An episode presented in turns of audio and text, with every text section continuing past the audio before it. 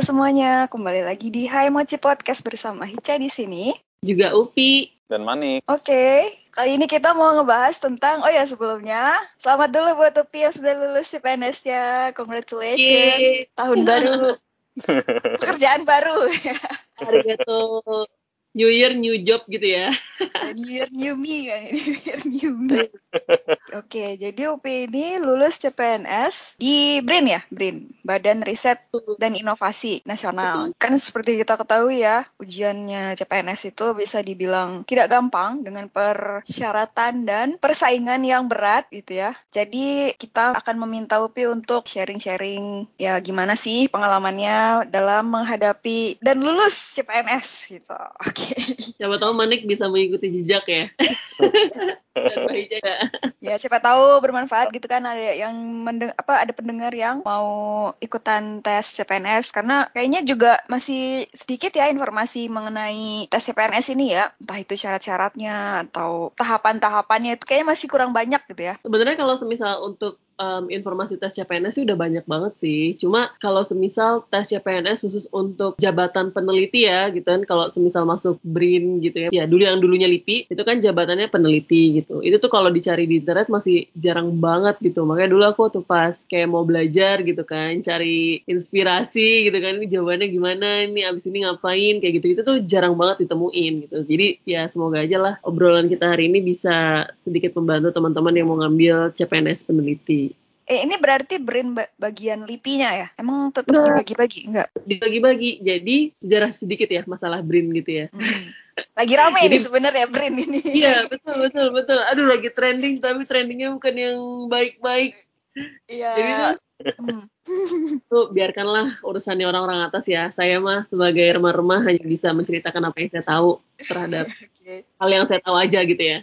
Jadi BRIN itu terbentuk tahun lalu gitu. Benar-benar ibaratnya kayak eh, ada SK dari presiden gitu ya. Em, terbentuk di tahun 2021 di mana BRIN itu adalah gabungan dari LIPI, BPPT, LAPAN, Lapan. Batam dan juga eh, lembaga penelitian yang dimiliki oleh kementerian kayak gitu. Itu Kementerian SDE, eh kok SDM sih, Ristek Semua. gitu ya? Semua Semua, kementerian. sem- ya, Oh. semua kementerian memiliki lembaga riset dan penelitian itu masuk ke BRIN sekarang. Oke. gitu. Jadi yang Kemenkes yang punya lembaga penelitian masuk ke situ gitu loh. Terus habis itu ya kementerian mana lagi yang punya itu semua masuk ke BRIN kayak gitu. Jadi mungkin tujuannya itu adalah supaya kalau semisal ngomongin masalah penelitian semua terpusat ke BRIN gitu loh. Jadi nggak yang bingung penelitian ini di mana ya gitu loh. Kayak gitu. Jadi jadi kementerian-kementerian itu nggak punya lembaga penelitian lagi gitu ya? Iya betul, semuanya masuk ke BRIN. Tapi Oh. yang lembaga-lembaga tadi itu tetap ada di dalam BRIN nggak Mbak? Atau emang udah semuanya di situ aja? tetap ada. Jadi tapi jadi nanti sebenarnya nama-namanya tetap sama ya. Semisal kayak pusat teknologi apa gitu ya, tapi atasnya BRIN gitu loh. BRIN dengan cabang apa gitu loh. Jadi kayak ibaratnya BRIN itu kayak university dengan jurusan yang berbeda-beda kayak gitu. Oke, itu kan sejarahnya ya. Jadi karena karena ini juga lagi heboh, tapi kayaknya agak sulit kita ngomongin ya saat, saat ini karena berbau-bau politik. Gitu kan. Karena saya juga tidak mengerti permasalahan itu ya, jadi baik kita hindari saja daripada kenapa-kenapa Ya, ya. daripada- Ya, jadi kita bahas tentang tes CPNS-nya saja gitu ya. Untuk BRIN bagian LIPI-nya berarti UPI. Ya istilahnya universitasnya BRIN, jurusannya LIPI gitu. Enggak, Berarti enggak. atau enggak? Oh enggak. Jadi aku tuh masih nggak tahu aku bakal ditempatkan apakah aku bakal ditempatkan di PBPT, apakah aku akan ditempatkan di LIPI, apakah aku akan ditempatkan di lembaga kementerian yang apa ada riset-risetnya kayak gitu. Jadi tahun ini gitu kan di tahun 2021 bukan CPNS yang kemarin ini yang aku ikutin itu tuh kami semua itu adalah ibaratnya kayak anak-anak tahun pertama BRIN gitu loh. Iya, jadi masuknya semua sama ya. Masuknya ke. BRIN nanti dibagi-bagi gitu ya. Betul, betul. Oh, oke. Oke, berarti tes CPNS-nya untuk ke BRIN-nya langsung gitu ya, Ya. secara singkat kurang lebih begitu. Kira-kira syarat-syaratnya tuh apa aja tuh awalnya? Gimana ceritanya? Ceritain dulu Pi. Gimana ininya? Gimana mulanya? Jadi, em, aduh aku tuh lupa ya pada itu bukannya tuh bulan apa gitu antara bulan Agustus apa sekitar Juli gitu ya itu bukan pertama kayak apa sih ada pengumuman gitu kan mulai santer gitu kan nah, terus habis gitu jadi itu kan backgroundnya aku tuh lulusan S3 ya pulang ke Indonesia tuh sebenarnya cukup bingung gitu loh karena ibaratnya job market di Indonesia untuk S3 itu orang paling banyak taunya tuh jadi dosen kayak gitu. Jadi kalau lo S3 pulang ke Indonesia ya lo jadi dosen gitu loh. Paling banyak gitu kan. Mungkin bisa juga masuk industri. Cuma industri di Indonesia itu kayaknya masih belum siap sama S3 gitu loh. Nggak kayak di negara-negara luar gitu ya. Mereka tuh ibaratnya S3 tuh dibutuhkan karena memang lembaga riset di perusahaan-perusahaan swasta di luar tuh udah bagus gitu kan. Iya, R&D-nya ya perusahaan-perusahaan mereka punya R&D sendiri. Kalau industri di Indonesia kayaknya belum terlalu me- apa concern dengan R&D gitu ya. Betul. Jadi kan ibaratnya jadi job market di Indonesia tuh cukup cukup sempit gitu bisa dibilang ya untuk lulusan S3 gitu. Terus ketika kemarin ada bukaan gitu kan, ada bukaan CPNS gitu. Itu sebenarnya aku tuh tertarik juga untuk bisa masuk ke kementerian gitu kan. Jadi kayak mau coba lihat ah di kementerian gitu. Tapi ternyata pas dicari, pas aku lihat-lihat di kementerian itu nggak ada buka S3 sama sekali kayak gitu. Jadi kementerian itu butuhnya S1 gitu loh. S2 pun jarang banget gitu di kementerian-kementerian yang mau aku tuju ya gitu. Kebetulan aku mau menuju Kementerian Kemenko Maritim gitu kan. Terus kayak KKP kayak gitu loh ya emang ada background background um, apa kemaritiman gitu ya. Itu tuh nggak ada yang dibutuhkan untuk S3 dan juga S2 gitu. Dan aku berpikir bahwa buat apa gue capek-capek sekolah sampai S3 kalau ujung-ujungnya gue ngambil job market anak S1 gitu kan. Dan idealisme ya. Iya, tapi eh iya soalnya tuh kayak uh, ibaratnya gini, kalau semisal aku ngelawan anak S1 ya, aku sih ngerasa kayaknya aku bakal kalah sih gitu loh. Karena tahu sendiri ya, ibaratnya kayak anak-anak yang masih muda itu kan uh, semangat belajarnya tuh bener-bener berapi-api bau banget gak sih? Soalnya kayak ya enggak Nick nih yang sebagai yang paling muda. Semangat belajarnya gimana? Ya juga sih aku gak pernah punya semangat belajar. Waduh. Karena Manik udah jenius dari dulu. Jenius salahnya. Jadi gak usah belajar langsung ngerti. lanjut lanjut enggak? Ya terus terus gimana? Kayak gitu. Jadi aku berpikir kalaupun semisal aku ngambil ibaratnya gitu yang ngambil jatah S1 gitu selain aku bakal kayak berkompetisi bareng sama anak anak S1 gitu kan. Dan aku tuh juga ngerasa bahwa kayaknya gue nggak bakal sanggup juga berkompetisi dengan mereka gitu loh. Karena kan di awal CPNS tuh ada yang namanya SKD kan. Nanti akan kita jelasin lagi ya. SKD itu kan umum banget gitu loh. SKD itu yang penting kita rajin latihan gitu kan, rajin latihan soal-soal gitu lah. Dan aku berpikir bahwa kayaknya anak S1 bakal lebih jago gitu. Dan itu memang terbukti gitu loh. Jadi ketika aku melihat hasil hasil SKD gitu kan, hasil SKD-nya anak-anak S1 tuh yang di kementerian-kementerian yang aku tuju gitu ya, itu tuh tinggi-tinggi banget gitu loh. Kan nilai maksimalnya itu adalah 500 apa 550 gitu ya. Itu tuh mereka nilainya udah hampir menyentuh 500 gitu loh. Jadi kan oh. it's all about strategi juga gitu kan. Selain masalah idealis karena aku S3 aku pengen masuk kayak yang di S3 gitu loh. Makanya aku ya udah deh aku cari uh, ibaratnya kayak bukaan yang memang membutuhkan S3 kayak gitu. Nah, mungkin memang rezekinya gitu ya. Jadi terus ada BRIN. BRIN itu buka untuk semua jurusan S3 gitu. Mau lu jurusannya apa pun tuh lu bisa masuk di situ kayak gitu. Karena kan uh, lini penelitiannya tuh cabangnya banyak banget kan gitu. Dibutuh orangnya tuh banyak banget. Nah, terus di tahun ini BRIN itu cuma buka untuk S3 doang. Padahal di tahun lalu sebelum ini di 2019 ya terakhir bukan CPNS itu tuh dulu masih belum BRIN sih, dulu tuh masih LIPI gitu ya, masih LIPI gitu, BPPT juga buka sendiri kayak gitu, masing-masing tuh buka sendiri gitu. Itu tuh masih mau menerima untuk jurusan S, eh, untuk lulusan S2 kayak gitu, oh, untuk lulusan okay. S2 masih masih mau menerima gitu loh, tapi di tahun 2021 ini BRIN hanya menerima lulusan S3 kayak gitu. Rezeki banget ya. nah, makanya kayak yang ya Allah alhamdulillah gitu ya. Maksudnya kayak kayak emang dikasih jalan gitu loh. Terus habis gitu ya udahlah gitu kan. Bismillah gitu. Kayak ini udah sesuai dengan ibaratnya dengan idealisme gue gitu ya. Mau ambil yang langsung S3 aja gitu kan. Terus juga pekerjaannya pun di bidang penelitian gitu kan. Yang di mana kita tuh udah terbiasa lah waktu pas S3 gitu kan tiap hari ngerjain skripsi lah ibaratnya kayak gitu. Ya udahlah gitu kan. Aku coba untuk daftar di situ gitu. Uh, terus kan administrasi nih mbak. Kita ngomongin yeah, masalah kita ngomongin syarat ya syarat-syarat administrasinya apa aja ya. Nah jadi seleksi administrasi itu berbeda-beda untuk setiap uh, jabatan yang ingin dituju kayak gitu.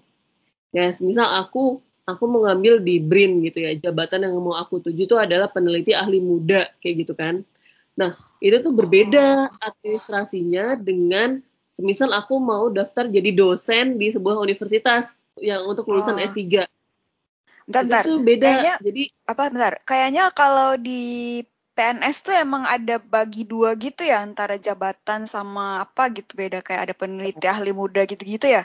betul. Jadi eh, untuk masuk ke CPNS itu juga kita bisa masuk melalui jabatan fungsional atau jabatan struktural. Oke, Kayak gitu. bedanya apa aja tuh fungsional struktural? Nah, Jelasin jadi- dikit deh.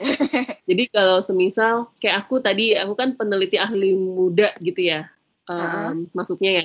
Itu masuknya di jabatan fungsional. Oh, Kayak gitu.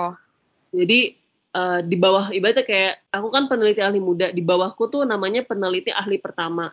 Di atasku itu namanya peneliti ahli madya kayak gitu. itu yang fungsional. Itu- Kalau yang strukturalnya itu kayak apa nih? Ntar dulu nih contoh lagi jabatan fungsional di tempat lain ya. Jabatan fungsional oke, yang paling terkenal itu adalah jabatan fungsional dosen. Dosen yang S2 itu namanya asisten ahli kalau misal pernah dengar.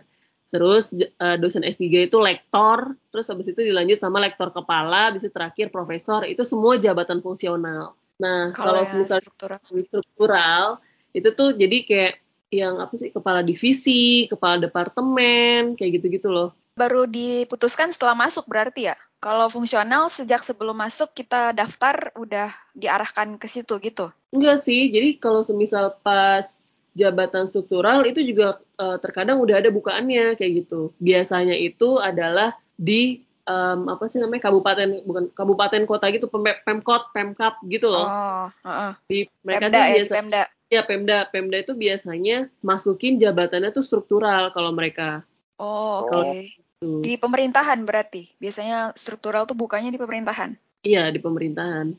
Berarti itu nyari orang luar ya, langsung jadi kepala bidang gitu ya, bukan dari orang pemerintahannya sendiri. Oh iya iya kalau kayak gitu tuh bisa dari pemerintahannya sendiri sih. Tapi jadi kalau orang luar itu masuknya lewat langsung yang di bawah gitu loh. Jadi kayak di apa analis kayak gitu-gitu itu kayaknya struktural gitu deh. Tapi aku juga kurang. ya. Oke, pokoknya ini kalau kayaknya kita- bisa. Mm-mm. Ini kayak pembahasannya beda ya jadi ya. Oke, kita kembali lagi ke Iya. eh, tesnya aja. Oke, Kayak gitu lah, jabatan struktural tuh ada kepala divisi apa, kepala departemen, ntar jadi apa, jadi apa kayak gitulah pokoknya. Terus Nah, untuk terus- syarat-syaratnya sendiri gimana kemarin?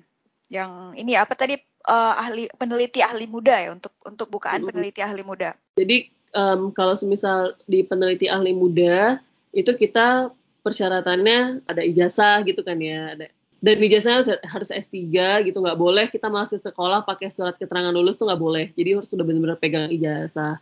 Itu udah harus di apa namanya? Penyetaraan ya. Harus Oh, iya. disetarain. penyetaraan, iya benar-benar.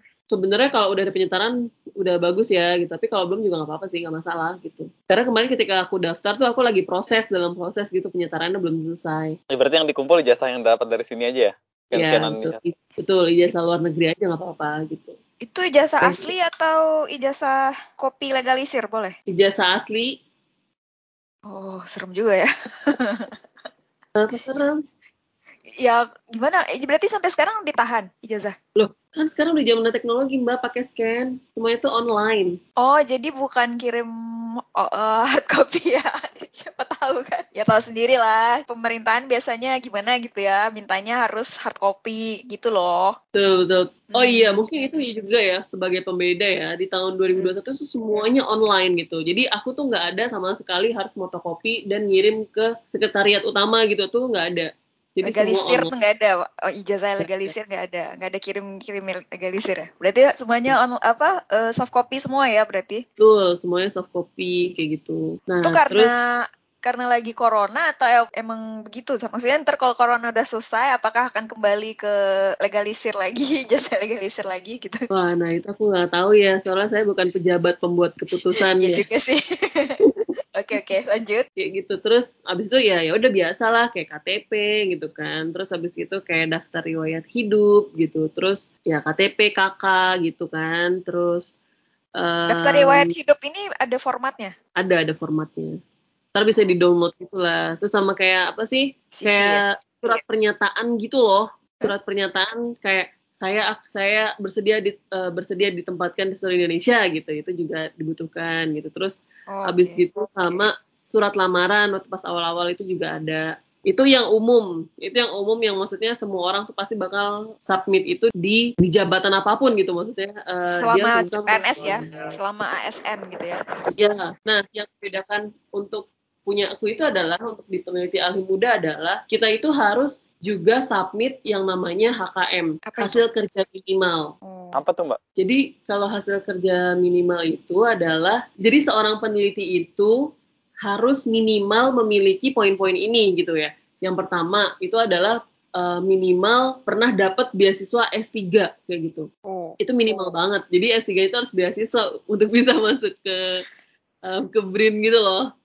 Susah gitu. Okay. Sebenarnya okay. adalah kenapa harus ada itu gitu ya. Pokoknya minimal minimal beasiswa S3 atau pernah dapat grant kayak gitu kan, grant penelitian gitu. Karena karena kalau misal kita udah pernah dapat beasiswa S3 itu tuh kayak seolah-olah kita itu ibaratnya mampu untuk meyakinkan orang yang punya duit gitu ya untuk percaya bahwa penelitian yang kita lakukan itu bisa berjalan kayak gitu loh. Jadi okay. ibarat kayak punya kemampuan seperti itu gitu. Karena kan emang kerjaannya peneliti ya gitu. Selain kita itu meneliti, kita kan juga harus cari duit gitu kan. Ya beasiswa S3 itu jadi kayak ibaratnya salah satu bukti bahwa kayak gue pernah ngelakuin hal kayak gitu gitu loh. Jadi pernah dapat uang kayak gitu gitulah. Kayak gitu. Terus habis itu minimal itu pertama beasiswa S3 Terus yang kedua adalah minimal pernah dua kali menjadi presenter di presentasi presentasi, presentasi ini seminar internasional kayak gitu. Terus habis gitu minimal punya dua paper proceeding juga gitu. Jadi itu inline sih gitu loh. Cuma kan terkadang ada juga ya international conference yang nggak punya proceeding gitu kan. Mm -hmm. Cuma juga kan banyak juga yang apa namanya conference langsung ada proceedingnya. Jadi dua conference, habis itu dua proceeding. Terus yang ketiga itu adalah tiga jurnal internasional. serem banget. Yang ini yang paling serem kayaknya. Tiga jurnal internasional kayak gitu. Itu pakai Q1, Q2 gitu nggak jurnalnya? Uh, Sebenarnya sih kalau semisal kita pakai jurnal Q1 ya, itu kayaknya cukup satu atau dua jurnal aja cukup deh. Nggak perlu sampai tiga gitu loh. Tapi oh. kalau semisal ibaratnya kayak jurnal internasionalnya, yang penting terindeks gitu ya, terindeks Scopus atau terindeks yang apa nih kalau yang di Kobe itu nih Sensi mintanya Web of Science. Web of Science ya. Web of Science itu juga no problem kayak gitu. Atau jurnal Sinta ya. Kalau di Indonesia kan ada tuh jurnal nasional Sinta. Itu juga nggak apa-apa dilampirkan kayak gitu. Pokoknya terindeks gitu ya. Iya, pokoknya terindeks. Bukan jurnal predator lah kayak gitu. Iya oke. Okay. Terus ada lagi nggak ini? Apa yang HKM-nya ya? HKM-nya? Udah empat kan itu? Udah itu doang. Udah udah. Itu. Oh itu, itu baru syarat administrasi. Ini ini syarat administrasi ya? Betul. Ini syarat administrasi udah harus lampirkan empat itu. Nggak ada ini kayak kalau kita mau daftar beasiswa kan harus bikin esai kayak gitu kan, esai atau apa plan hmm. uh, research plan. Nah itu nggak ada nih. Kalau research plan nggak ada. Tapi itu nanti di SKB. Oh, Oke. Okay. Kalau okay, jadi... karena hmm? karena waktu pas lagi administrasi itu kayak yang penting lo bisa submit sesuai dengan kebutuhan aja dulu gitu. Habis itu pas udah selesai selesai kompetensi dasar baru deh tuh ibaratnya kayak digali lagi lebih dalam gitu loh untuk masalah penelitian. Oke, Berarti kita bisa lanjut ke bagian berikutnya nih. Itu kan jadi syarat-syarat administrasi ya. Sampai uh. di sini ada yang ditanyakan Manik loh. Karena Manik diem aja. Gimana nih Manik? Aku juga udah ngomong kan tadi. Udah, udah, udah, udah jelas itu kok. Oke. Okay. Nah, terus untuk bagian selanjutnya itu apa tahapan berikutnya adalah seleksi kompetensi dasar ya kayaknya? Betul, seleksi kompetensi dasar. Ini gimana nih? Nah, ini yang bu, menurut aku adalah cukup stressful banget banget banget banget banget banget banget gitu loh SKD ini. Kenapa Karena, tuh? Um, jadi soal SKD itu tuh sama mbak dari lo mau lulusan S1 sampai lulusan S3 gitu ya. Uh, mm-hmm. Soalnya tuh sama kayak gitu. Nah, sedangkan ya soal-soal SKD itu adalah soal-soal kayak matematika SMA gitu loh. Dulu tuh namanya TPA bukan sih? Itu sama dengan TPA atau beda? Agak sedikit beda. Kalau TPA kan matematikanya cukup simple ya gitu. Uh, banyak-banyakan kan kalau TPA? banyak banyak banyak kan selesai gitu kan. Emang kalau SKD enggak? Kalau SKD itu soalnya udah pasti. Jadi ada 100 soal terdiri dari soal uh, matematika, soal bahasa Indonesia, terus soal namanya TKP, tes kepribadian gitu. TKP. Jadi ada tiga gitu. Nah terus untungnya ya tahun ini itu soalnya menurut aku ya itu tidak sesusah soal-soal yang ada di buku di buku apa namanya tuh CPNS. ya buku-buku CPNS buku CPNS gitu loh gitu soalnya tuh tidak serumit di situ gitu Eh, bentar, ini 100 soal di masing-masing 100, matematika 100, bahasa Indonesia 100, atau udah total 100? total total total total totalnya seratus Terus totalnya seratus. pakai waktu, Terus- hmm, pakai Oke, waktu bukannya? Ya, Pak- berapa nih pakai waktunya? waktu oh, berapa ya? Lupa aku mbak detailnya. Udah terlalu stressful jadi aku lupakan. Terus nah dari dari 100 soal itu itu tuh kayak 35 35 40 eh 35 35 30 ya berarti Ya ntar gampang lah ini, bisa aku cari. nah itu itu ada tuh di internet lah ini- pokoknya di internet, Kayak- kayaknya SKD ini yang paling banyak di internet ada ya kayaknya. betul betul betul betul karena apa ya eh, belajar SKD tuh dari internet juga sangat membantu gitu loh apalagi dari YouTube YouTube gitu tuh membantu banget gitu Heeh. jadi aku selain belajar dari buku aku tuh juga belajar dari YouTube YouTube gitu gitu nah terus Oke. di SKD itu ya itu tuh juga ada nilai dasar nilai minimum kayak gitu jadi untuk soal apa untuk soal yang matematika gitu ya Hmm, itu tuh minimal nilainya harus berapa supaya bisa lulus kayak gitu Oke. terus nanti nilai TKP juga gitu. betul nilai TKP-nya juga harus berapa biar lulus kalau semisal salah satu tuh tinggi banget tapi yang satu tuh nggak lulus tetap nggak lulus kayak gitu Oh, oke. Kayak tes JLPT berarti ya. betul betul betul oh sorry sorry bukan bahasa Indonesia TWK Oh, TWK. aduh, TWK ini juga sensitif nih kayaknya ini. Iya ya wawasan kebangsaan, terus Eh. intelijensia umum yang ada bahasa Indonesianya juga, ada matematikanya, terus yang terakhir tuh TKP kayak gitu. Oh, ada 110 soal, Mbak. 110. Yang matematika itu masuknya ke intelijensia umum. Betul, ke TIU itu. Nah, terus eh, nilai ambang batasnya ya. Itu tuh kalau misal TWK itu minimal harus dapat nilai 65 Hmm. kayak gitu. Terus habis gitu kalau TIU itu harus minimal 80. Terus habis itu TKP minimal harus 166. Terus ada yang berkesan nggak dari tesnya sendiri, entah itu soalnya atau gimana gitu? Ah, soalnya sih ada sih yang satu menurut aku aku berkesan banget sama soal itu. Itu kayak tuh? soal SD. Heeh. Jadi itu ya, soalnya itu adalah jadi aku lupa namanya siapa ya ceritanya. Misal Bapak Manik gitu ya. Bapak Manik, Bapak Manik membeli tiga sepeda dengan harga 6 juta. Tiga sepeda dengan harga 6 juta. Berapa yang harus dibayar Bapak Manik jika Bapak Manik hanya membeli dua sepeda? Sumpah ada soal yang kayak gitu pas kemarin. Kayak, ya ampun ini kayak soal bonus deh gitu loh. Itu nggak nggak ada jebakannya tuh, jangan-jangan menjebak gitu kan? Wah, orang cuma keterangannya gitu doang, kan berarti tinggal 6 bagi 3 untuk bisa tahu harga satunya. Gitu aja, nggak ada yang kayak yang satu mau sepedanya model begini begini begini, yang satu model begini begini nggak ada, nggak ada yang kayak gitu. Oke. Jadi emang bener-bener kayak soal bonus aja gitu loh kayaknya ya. Gitu. Baik, terus mau terus abis itu gimana Pi? Yang untuk tes kepribadian sendiri gimana nih? Aku agak tertarik nih sama ini nih. Jadi kalau kalau kalau TWK sama TIU ya, eh, sama TIU tadi itu tuh mereka nilainya itu adalah 0 atau 5 kayak gitu. Heeh. salah salah dan nggak dijawab itu nol kalau bener lima gitu ya nah Hmm. sedangkan kalau misal di tes kepribadian itu nilainya adalah 1 sampai 5 kayak gitu jadi oh, jawaban terbaik ya menurut kunci jawabannya mereka gitu ya udah itu 5 gitu misal aku tidak memilih jawaban itu ya mungkin nilaiku dua atau tiga gitu loh jadi udah ada udah ada porsinya masing-masing untuk tiap pilihan Curang banget tuh menurutku. kenapa gitu? Ya kan suka-suka yang buat soal berarti mau ngasih nilai 5 yang mana? Iya. Nggak tahu kan. Maksudnya kan juga apa ya karena tiap-tiap orang itu berda- berasal dari lingkungan yang berbeda gitu kan ya dari background yang berbeda pasti kan juga memiliki perbedaan sudut pandang ketika mau memilih ini yang A B C D atau E gitu kan ya. Hmm. Jadi kayak ya udah. Nah itu pun kenapa kemarin tuh dari tiga tes tersebut yang di SKD nilai TKP ku tuh cukup rendah gitu loh. Hampir menyentuh batas minimum. Parah banget. Jadi batas minimum itu kan 166 ya tadi ya. Aku tuh cuma 170-an 172 apa 175 gitu. Jadi Maksimalnya kayak, berapa maksimal? maksimalnya itu 225 Oh, oke. cukup rendah gitu kan. Heeh. jadi kayak pilihanku jarang deh menyentuh angka 5 gitu loh Oke, itu Gitu. contoh-contohnya gimana nih contoh soal? Ada yang masih diinget nggak? Eh kalau TKP itu paling kayak jadi semisal nih ada orang mau pensiun gitu kan. Pak Manik lagi semisal itu ya. Jadi Pak Manik itu Pak Manik itu mau pensiun tapi di divisinya Pak Manik gitu ya.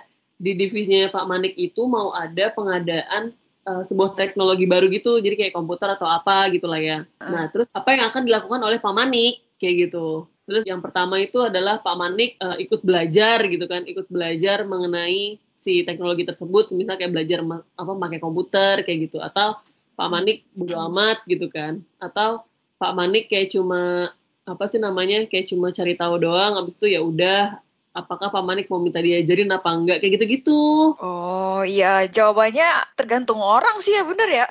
Kan, bener kan, tergantung iya, dari iya kayak karakter kitanya gitu juga kan. Mungkin disesuaikan kali ya misalnya untuk Brin karakter yang secocoknya tuh jawaban nomor apa nilai 5 untuk jawaban A misalnya begitu kali ya.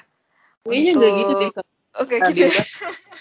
semuanya. Jadi jadi ini tuh bener semuanya mau anak S1 dapat soal sama kayak aku ya sama juga gitu loh. Misal yang E itu nilainya poin 5 gitu ya. Udah anak S1 itu juga poin 5 yang E kayak gitu nggak ada. Jadi kalau SKD itu masih belum ada yang namanya oh kalau BRIN itu berarti nilainya harus begini oh kalau semisal dosen tuh harus begini itu tuh nggak ada di SKD semuanya sama rata sama ya? kalau di SKD makanya Terus itu yang juga cukup stressful gitu loh. Karena kan maksudnya karena aku aku tuh udah lama banget ya nggak pernah namanya kayak megang-megang apa sih buku-buku soal kayak SNMPTN gitu loh rasanya. Jadi itu kayak yang aduh pusing banget gitu kan. Kayak dalam apa sih namanya beberapa bulan sebelum tes itu tuh aku baru mulai belajar kayak gitu loh yang hitung-hitungan kayak gitu-gitu ya meskipun sebenarnya gampang ya gitu loh cuma karena udah lama nggak belajar itu tuh jadi kayak otak kan jadi bekerja lagi ya gitu loh oh, kayak motor okay. butut gitu loh yang dipanasin lagi gitu loh agak cukup effort gitu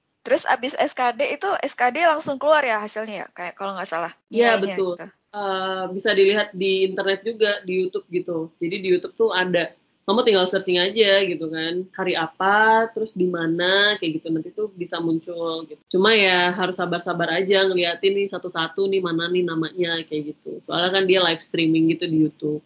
Oh hasilnya live streaming di YouTube? Iya, tapi habis itu bisa di ini bisa dicek lagi gitu loh. Terus abis udah kalau misalnya udah masuk batas minimal SKD itu udah pasti lulus. Maksudnya udah pasti lulus ke tahap selanjutnya atau belum tentu juga?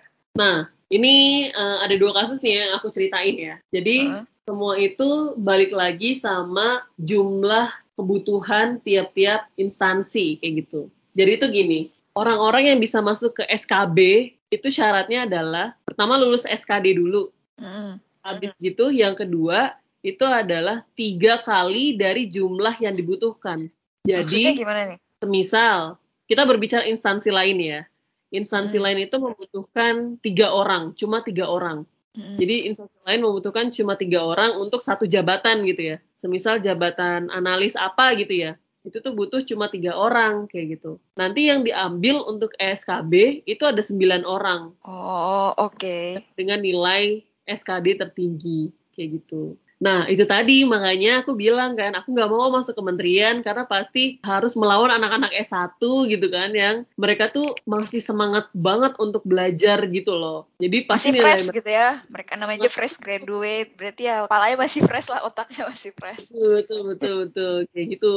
Jadi itu cuma diambil sembilan gitu, dan biasanya untuk semisal kayak di kementerian gitu ya. Terus habis gitu di instansi-instansi yang strategis gitu lah ya. Itu tuh pasti yang daftar tuh baik banget gitu loh. Jadi yang ikut CPNS ini kan gak cuma aku ya ada adik iparku juga ikutan gitu kan. Itu tuh satu jabatan satu doang loh. Dia butuhnya satu orang doang. Itu tuh yang ikut tes itu kata dia sampai 100 untuk jabatan yang sama. Berarti itu yang masuk dari SKD cuma tiga tertinggi untuk jabatan tersebut gitu. Betul, betul. Oke. okay. Kayak gitu, makanya se segitu apa ya persaingannya tuh sekarang segitu ketatnya gitu loh. Apalagi nah, pandemi ya. Iya betul. Jadi biar apa kerjaan itu tetap kita aman juga terhindar yes, iya dari ya. PH. Gagal PNS ya banyak banget yang daftar PNS. Maksudnya makin banyak jadi saingannya. Oh. Betul. Terus juga kan selama pandemi kan jarang ya ada kayak perusahaan swasta yang buka kan. Jadi ketika ada bukan gede-gedean dibaca gitu siapa PNS daftar semuanya kayak gitu. BTW untuk tes SKD ini sendiri offline atau online juga? Kalau SKD itu kita pakai CAT ya, pakai komputer gitu loh. Jadi ya langsung di tempat-tempat itu kita pakai komputernya instansi tersebut untuk bisa ngeklik-ngeklik gitu. Oh, Oke. Okay. Ya semi offline berarti ya, semi online kayak itu kali ya. Ya. Oke, terus kan berarti udah lulus SKD tuh. Ke tahapan berikutnya gimana, Bi? Um, nah, terus kan kalau yang untuk di instansiku itu karena kebetulan jumlah orang yang daftar itu kurang dari jumlah kebutuhan, jadi semua orang lolos tuh ke SKB. Karena yang di jabatan yang dibutuhkan jabatan. gitu ya, uh, di BRIN itu kurang lebih ada 221 orang yang dibutuhkan. Oh, banyak ya? Banyak banget. 221 dokter ibaratnya kayak gitu ya.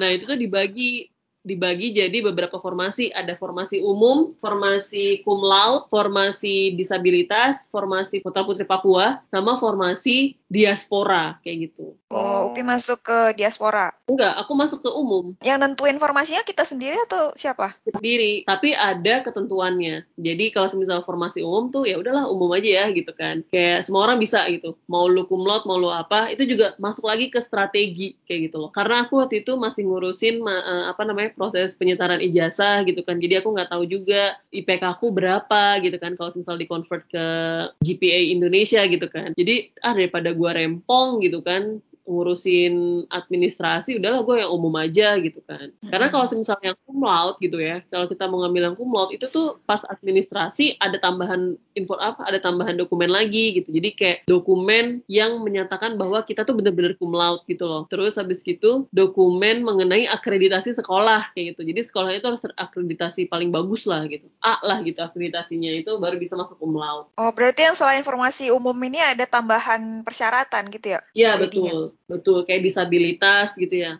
formasi disabilitas ya berarti harus ibaratnya kayak surat keterangan dokter bahwa benar-benar ada bagian tubuh yang disabilitas kayak gitu kalau disabilitas tuh gimana gimana mbak? Maksudnya apakah nggak punya kaki tangan aja atau nggak bisa bicara boleh, nggak bisa dengar boleh? Pokoknya ada kekurangan di dalam tubuhmu gitu kan yang ibaratnya itu membuat kamu uh, cacat gitu gitu ya itu kamu bisa masuk disabilitas gitu. Misal kayak jari kamu kepotong aja gitu loh. Jari kamu kepotong kelingkingnya hilang gitu. Itu disabilitas gitu loh. Itu bisa masuk gitu tapi kan itu nggak mengganggu fungsi ya. Iya, ya, tapi tetap mungkin agak kamu disabilitas gitu. Dianggap sedikit mengganggu kali mau pas mau ngetik atau meneliti gitu ya. kan jadinya. Ya gitu. Dan hampir pikir, kayak misalnya dia buta atau tuli gitu ya, kan itu susah ya. Mm. Nah, itu apa tetap bisa daftar atau enggak? Ya selama jadi kan tetap ya yang namanya formasi disabilitas itu dibuka asalkan orang tersebut disabilitas orang tersebut itu tidak mengganggu pekerjaan dia gitu loh. Iya kan? oh. kan? Semisal kalau semisal uh, orang tersebut apa sih buta gitu ya. Ya kalau semisal buta itu tidak mengganggu dia sebagai seorang peneliti ya tetap nggak apa-apa gitu. Itu sih. Cuma kemarin ketika aku daftar ya lulus SKD pas lulus SKD itu nggak ada yang daftar di bagian disabilitas. Gitu.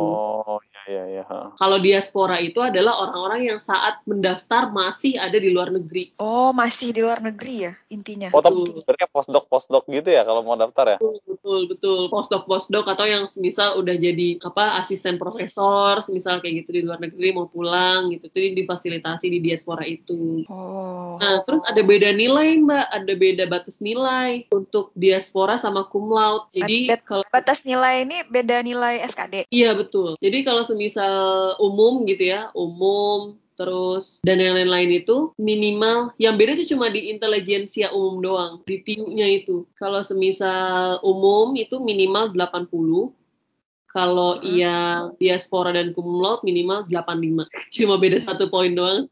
Cuma beda satu soal itu mah. Oh, karena laude sama diaspora ya dianggapnya harus lebih ini. betul, betul.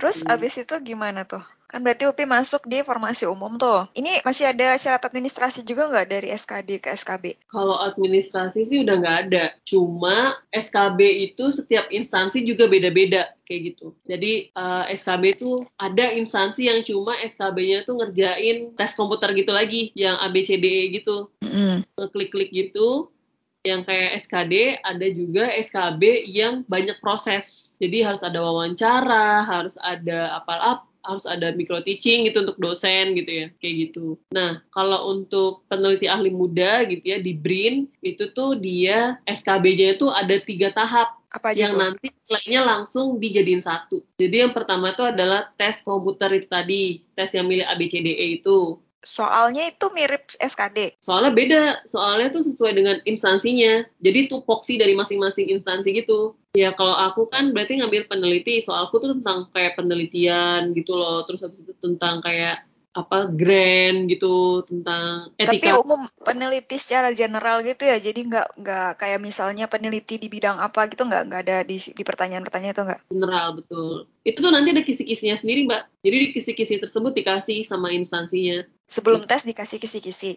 Ya betul. Sebelum tes Oh. dikasih kisi-kisinya kayak gitu. Terus habis gitu kalau yang diberi itu selain tes tes yang komputer itu kita juga ada tes psikotes. Kita ada psikotes Oh, itu kita ada psikotes tapi psikotesnya online gitu loh. Jadi Bisa dilakukan di rumah. iya memang kita dilakukannya di rumah by zoom gitu by zoom meeting gitu. Jadi kita Oh tesnya nggak di milih nggak nggak milih-milih gitu. Biasanya kan psikotes milih ABCD juga. Ah, ada ABCD-nya juga. Kan tergantung ya psikotes itu ada yang mau dites apanya dites apanya gitu kan. Ada yang tes linguistiknya tes masalah aritmatika gitu kan tes logika. Kalau yang yang UPI kemarin yang Zoom meeting itu, itu tes kayak gitu jadi tesnya tuh based on web gitu loh tapi pakai Zoom meeting. Jadi dia kayak kasih webnya di Zoom meeting gitu, kasih alamat webnya. jadi zoom meeting itu cuma buat ngeliat kita pas ngerjain doang Oh oke oke. Iya Kayak ngerti gitu. ngerti ngerti. jadi kayak zoom meeting tuh kayak cuma nih kayak gini nih Ah, kayak aku sekarang zoom meeting sama kamu eh aku buka Google-ku sendiri gitu loh gue harus ngeset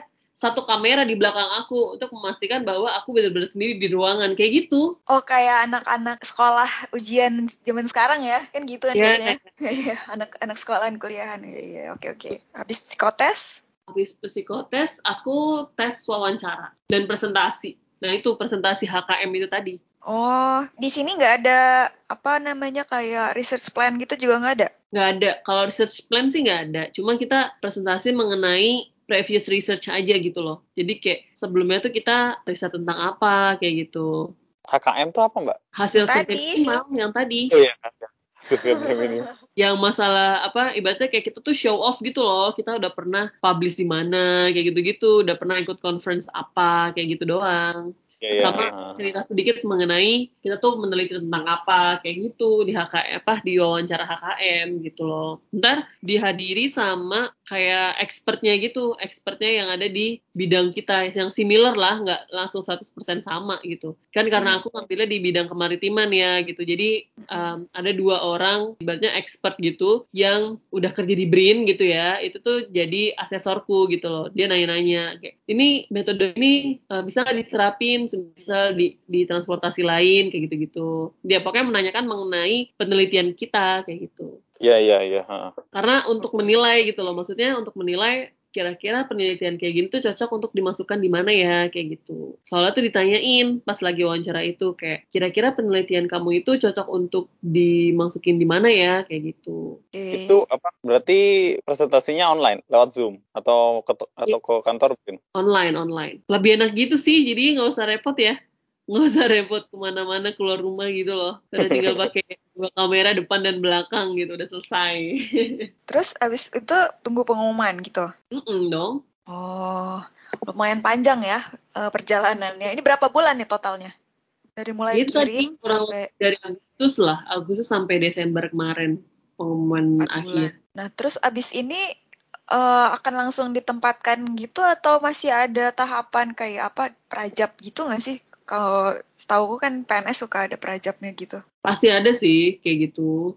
Cuma aku juga masih belum tahu informasi yang lebih detail gitu. Soalnya masih serba tidak pasti ya bukan tidak pasti dalam hal gimana gimana ya. Cuma maksudnya kayak karena kan terlebih lagi brinnya sendiri itu tuh masih sangat baru kan. Dan sekarang tuh masih masih cukup masih rame ya istilahnya rame rame. Ya gitu.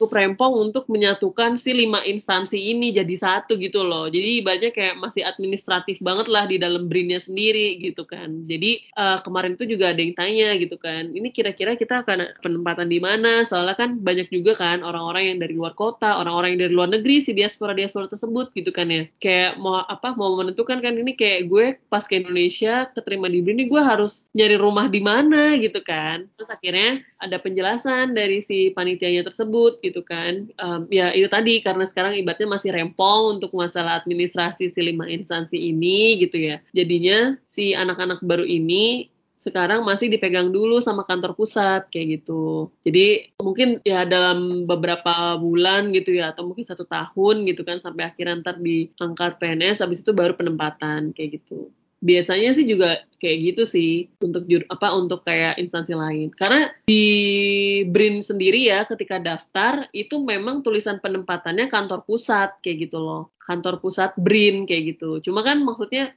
nggak mungkin kan dan semisal kayak ratusan orang ini yang memiliki ekspertis beda-beda ditempatin di tempat yang sama gitu kan Iya. dan juga BRIN itu kan terletak di seluruh Indonesia dan di seluruh Indonesia tersebut kan juga punya ibaratnya kayak keunggulannya masing-masing gitu kan. Nah, Hmm. jadi aku logikanya ketika ketika ada tulisan penempatan kantor pusat BRIN gitu kan. Oh, tapi ini pasti nanti bakal dilempar lagi gitu loh untuk bisa masuk ke lini-lini tersebut. Ini berarti statusnya masih CPNS ya gitu ya? Mm-mm. Iya, Nanti masih setelah capek. prajab baru diangkat atau ada kemungkinan gak diangkat kan itu? Ada tes lagi maksudnya? Nggak tahu, aku masih nggak tahu. Itu aku masih nggak tahu karena aku masih baru mau masuk CPNS mbak, aku belum PNS jadi aku Iya sih, Nah, kali iya. aja ada inform, ada denger-denger gitu kan. belum. Oke, Dan aku orangnya kurang ini ya, kurang apa namanya, kurang aktif untuk mencari tahu gitu. Jadi aku kayak adalah lenge gitu. Oke, terus gimana nih? Kalau dari Manik ada tambahan nggak? Nggak ada sih kayaknya. Aku nggak lagi presentasi gitu ya, terus ditanya-nanyain. Ya, Nggak presentasi, kamu interview. interview. ya daripada interogasi lebih mending interview kan. Oke, jadi abis ini Upi siap-siap ke kantor yang baru gitu ya. Me- oh, masih ada pemberkasan lagi? Mm-mm, jadi ya aku submit ulang semua dokumen yang aku submit di awal kayak gitu. Plus juga kayak apa sih ngumpulin SKCK, medical check up kayak gitu-gitu. Administrasi Oh. lagi ya, ba- balik-baliknya administrasi lagi gitu ya. Betul, administrasi lagi ujung-ujungnya gitu loh. Dan apa namanya kayak aku tuh harus ngumpulin ijazah dari SD sampai S3. Eh, Jangan-jangan ini hard copy nih. Sa- Saatnya hard copy nih. Enggak lah, soft copy lah. Masih Udah soft copy. ya udah lumayan baik gitu. Kan udah 4.0. Oh, Metaverse kan, metaverse. ya, udah metaverse bentar lagi udah metaverse. Habis ini Oke. berarti masih pemberkasannya udah beres, Pi? Belum, aku baru baru mau ngurusin malah gitu loh. Karena pemberkasan tuh dimulai dari tanggal 7 besok. Dimulai, tanggal- maksudnya boleh submitnya tanggal 7. Iya, dari tanggal 7 sampai tanggal Oh, 21. Tapi kalau ngurus sih udah boleh dari sekarang gitu. Cuma kan masih tahun baruan ya, jadi ntar dulu deh gitu. Baru hari ini mau aku urus gitu kan, ngumpulin foto Terus gitu. sampai di sini tuh dari Upi sendiri yang paling berkesan tuh gimana, Pi? Sama ngikutin tes ini. Apa ya, berkesan dalam hal apa nih? Kalau aku sih lebih kayak, lebih kayak tes SKD kemarin bener-bener bikin aku stres banget sih gitu loh. Jadi kayak bebannya tuh berat banget gitu pas SKD. Gak tahu ya, mungkin karena emang posisiku kan ketika kemarin itu masih nganggur ya gitu loh. Jadi kayak ada beban yang sangat berat untuk bisa segera dapat kerja gitu loh. Oh, oke. Cuma sih em, kalau untuk secara itu pribadi ya gitu. Nah, Misal em, kesanku terhadap sistem penerimaan yang sekarang ini gitu ya, yang aku rasakan sih cukup simpel ya gitu loh. Maksudnya nggak terlalu yang berbelit-belit. Aku harus ke kantor pos ngirimin dokumen atau kayak gimana. Alhamdulillah tidak ada gitu loh. udah online semua ya saat ini. Betul, betul, betul. Itu tuh sangat, sangat, sangat apa ya? Sangat, sangat membantu banget gitu loh online itu gitu kan. Soalnya dulu itu aku aku diceritain sama temanku yang ikut bukaan tahun 2018 apa ya dia gitu kalau nggak salah apa 2019 juga gitu. Dia tuh sampai harus mengirimkan dokumen tersebut gitu loh. Kayak Masih Kemendikbud hard copy. Iya, dan dan kebetulan temanku tuh waktu itu ngambil bukaan dosen gitu kan. Terus temanku tuh masih mengirim ke Kemendikbud gitu. Dan dia gagalnya gara-gara dokumen Kemendikbud itu berbeda dengan dokumen yang ada di online. Jadi udah online kirim juga ke Kemendikbud gitu. Ah, beberapa Terus tahun. beda maksudnya gimana nih beda? Jadi kayak nggak ngerti kayak ada yang salah gitu di dokumen yang dia kirim dia submit ke Kemendikbud langsung gitu-gitu deh pokoknya. Oh, no no Iya, gitu iya. Ya. ya repot lah waktu pas dulu dulu enggak sih sekarang jauh lebih gampang sih gitu ya alhamdulillah rezekinya sudah diterima. Tinggal menjalankan gitu ya, ya. iya masih masih masih pemberkasan masih pemberkasan mohon doanya ya semoga pemberkasannya lancar Amin. sampai mendapatkan nomor induk pegawai Jadi total Mantap. mulai bekerja itu kapan tuh Pi berarti? Kalau ini kan masih pemberkasan tuh. Mm-mm. Mulai kerjanya? Mulai kerjanya sih dibilangnya kemungkinan em, kalau nggak di akhir Februari, di bulan Maret kayak gitu. Karena Oke. yang menentukan itu, yang menentukan bukan tiap-tiap instansinya, bukan tiap-tiap kementeriannya, tapi dari si BKN itu sendiri. Jadi ibaratnya BKN itu kan HRD se-Indonesia gitu ya. Gitu loh. Di PNS ya. Iya HRD-nya PNS gitu kan. Jadi ya udah kita ngikut si BKN itu. Jadi kalau misalnya BKN bilang ya udah tanggal sekian sampai tanggal sekian ngapain ngapain ya udah semuanya tuh kementerian juga ngurusin itu, instansi Pemda ngurusin itu kayak gitu. Kayak juga kurang lebih serentak. Paling cuma beda sehari dua hari gitu atau seminggu gitu loh. Misal minggu ini misal kementerian udah pada masuk, tapi ntar minggu depannya Pemda baru masuk gitu. Kayak gitu sih. Panjang mas. Ya. Eh, kapan ya kira-kira Indonesia tuh bisa PNS apa tes PNS ya sekali jadi langsung gitu. Seminggu kelar gitu kan. Iya ya, aduh enak banget sih kalau kayak gitu ya, benar-benar langsung ringkes padet gitu ya. Iya. Mungkin kalau enggak dijalanin per instansi atau per daerah gitu ya, bisa kayak gitu. Jadi kan cepet gitu. biasanya itu yang non PNS sih. Kalau non PNS kan HR langsung instansi yang membutuhkan kan. Ah, nah itu Ya, kan cuman- cepet tuh. Ya cepet sih biasanya. Nggak tahu juga sih nggak pernah. nggak tahu nggak pernah. Cepet kok, cepet kok. Aku pernah soalnya ikut yang non PNS gitu. Itu kayak cuma seminggu selesai dah langsung pengumuman. Oh iya. Ya kalau aku sendiri cuman taunya tuh ya kalau nggak di sama di Jepang doang kan karena kita emang backgroundnya pernah di Jepang gitu kan. Nah kalau PNS-nya Jepang ya sama juga sih panjang perjalanannya. Jangankan PNS-nya ya untuk masuk ke perusahaan-perusahaannya sendiri di Jepang tuh kan banyak tahapan-tahapannya gitu kan. Jadi ya kurang lebih kalau untuk Jepang dan Indonesia tahapan mencari pekerjaan terutama untuk ASN ya sama aja sih sebenarnya lama panjang gitu. Iya. Oke deh, kayaknya terima kasih Upi untuk sharing-sharingnya, sangat membuka wawasan ya, jadi tahu bagaimana tahapan-tahapan apa ribetnya dalam menghadapi tahapan-tahapan tersebut. Cukup seru juga, tapi kalau dijalanin kayak pusing juga ya, stressful Iya deh sih. kayaknya. Betul. Jadi kayak yang ya udahlah, let it go aja gitu. Kayak udah ngikutin aja maunya apa gitu loh. Eh, btw sebelum ditutup nih, Upi banget. sendiri ada ada backup nggak misalnya kayak kalau nggak lulus PNS mau ke mana gitu? Waduh. Waktu itu nggak kepikiran. Iya. belum ada ya. Jadi cuma pakai satu satu panah lah istilahnya gitu ya, satu panah buat nembak dan alhamdulillah kena sasaran gitu ya. Betul, betul. Alhamdulillah ya gitu lah. Karena maksudnya ya selain rezeki juga ya, aku juga berusaha gitu kan. Jadi kayak kayak 100% gitu kan, ibaratnya kayak waktu dan tenagaku aku curahkan lah untuk ini kayak gitu. Iya penting tuh. Kalau misalnya pakai backupan bisa jadi terbagi ya ininya fokusnya. Betul, betul, betul, betul, betul. Tapi lebih aman sih ya, Terus- ada backup ya. Tergantung juga sih rezekinya di mana kan gitu. Iya, betul, betul, betul, betul. Eh kalau Manik sendiri ntar rencananya gimana? Udah ada rencana belum atau belum kepikiran? Belum sih, tapi kayaknya nggak nggak bakal jadi peneliti lagi sih, kapok. Manik jadi dosen. Ya jadi dosen kan harus meneliti sama aja. Ya kan nggak sebanyak kalau kerja kayak Mbak Upi.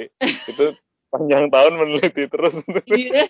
Pusing. Manik kalau, Manik kalau bertujuan untuk jadi profesor, baru Manik harus banyak meneliti. Tapi kalau misalnya mau jadi dosen yang disayang oleh mahasiswanya aja gitu, ya udah nggak apa-apa. Yang penting bisa ngajar dengan baik dan benar gitu. Kalau nggak karir nggak penting nggak apa-apa jadi dosen ngajar doang gitu kali ya. Tapi kan tahapan-tahapan karir ada penelitian juga kan masuk di situ. Heeh. tapi kan nggak nggak sepadat itu. Soalnya dengar cerita dari Pak Dedi, Pak Dedi kerjanya gitu tiap tahun eh, ngajuin proposal buat penelitian baru, terus ngerjain penelitian, ntar tahun baru ngerjain proposal lagi buat penelitian baru, ngelakuin penelitian, submit paper, ntar tahun depannya gitu lagi.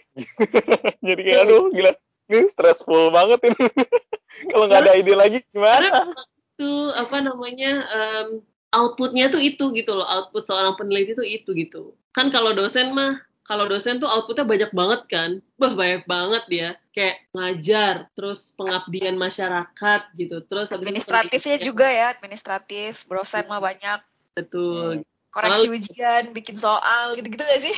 Betul. Iya iya iya. Tapi nggak nggak mesti stick kayak tiap tahun harus ada ide baru gitu.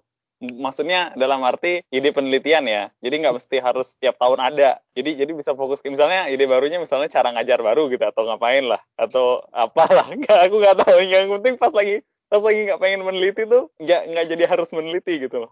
Berarti itu balik lagi kayak ke passion tiap-tiap orang gitu kan. Jus- Justru malah ketika aku gitu kan, ketika aku pernah gitu kan jadi dosen meskipun cuma beberapa bulan doang ya gitu kan. Jadi tuh kayak buat aku tuh cukup berat gitu. Jadi kayak kayak gue kurang cocok mungkin ya di sini gitu. Iya, heeh, heeh. Ya. Itulah pokoknya lah. Oke.